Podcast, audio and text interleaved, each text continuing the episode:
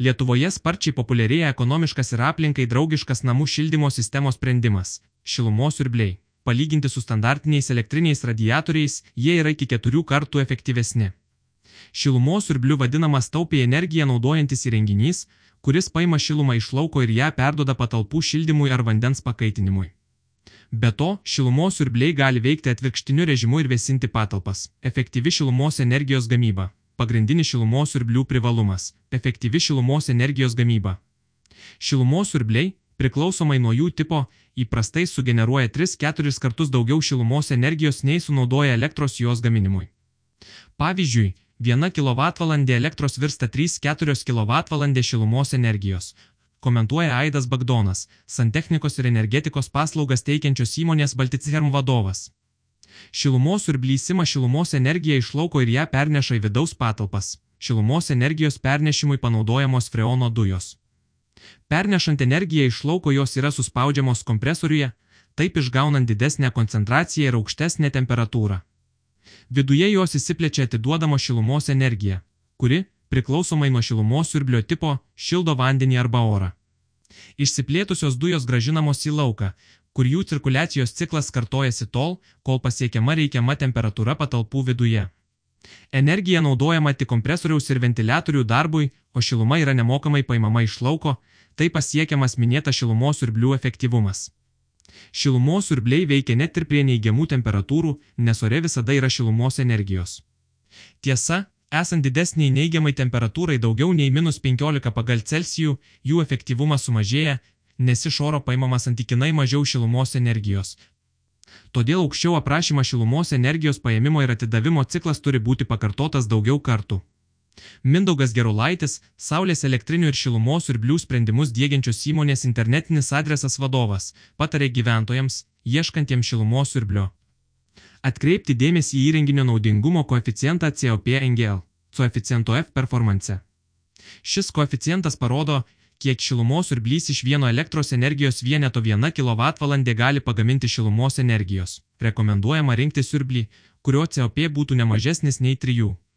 Naujausių šilumos siurblių efektyvumas gali pasiekti ir 5, kas rodo, kad toks siurblys, sunaudojęs 1 kWh elektros, pagamins apie 4 kWh šilumos. Skirtingi šilumos siurblių tipai.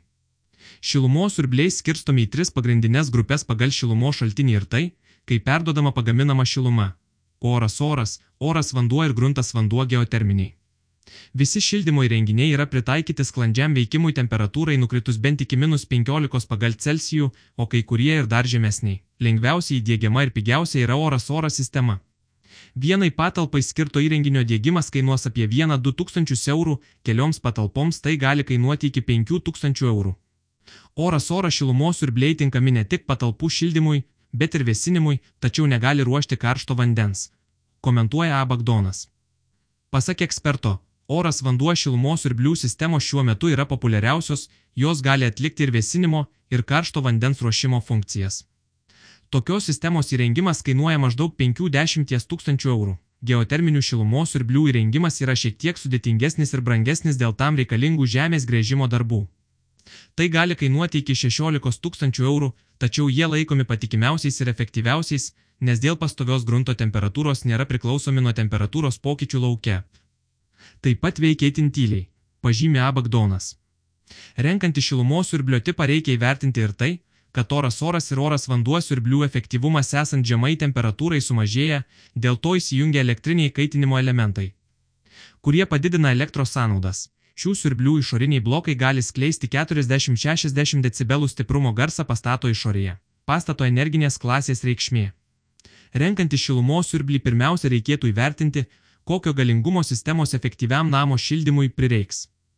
Tai priklauso nuo kelių pagrindinių veiksnių - namo energinio naudingumo klasės, šildomo ploto ir šildymo sistemos tipo, pastebėjom Gerulaitis. Jei šilumos siurblio gale bus per didelė, Palyginus su šildomo namo poreikiais, tai nepadės sutaupyti. Nepriklausomai nuo šilumos siurblio efektyvumo, galite sulaukti didelių sąskaitų už elektrą. Per mažo galingumo siurblys žiemos sezonu neužtikrins pakankamai šilumos, tačiau vis tiek suvartosite daug energijos. Kuo aukštesnės energetinės klasės pastatas, tuo mažiau šilumos energijos reikės pasiekti tiksliniai vidaus patalpų temperatūrai. Lietuvos energetikos agentūros duomenimis skaičiuojama, kad A energetinės klasės pastato vienas kvadratinis metras reikia maždaug 15 W, o C klasės pastatams prireiks apie 70 W KVM.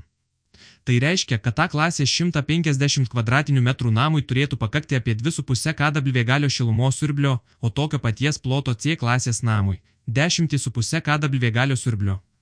Beje, namų šildymui pasitelkę saulės elektrinę ar įsigiję dalį nuotolinėme parke ir šilumos siurblį, gyventojai už karštą vandenį ir šiltus namus gali nemokėti papildomai.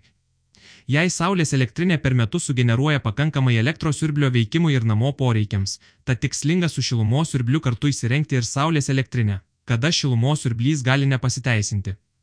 Šilumos siurblio efektyvumą tai yra sunaudotos elektros ir pagamintos šilumos kiekį, lemia ir skirtumas tarp paimamos ir atiduodamos temperatūros.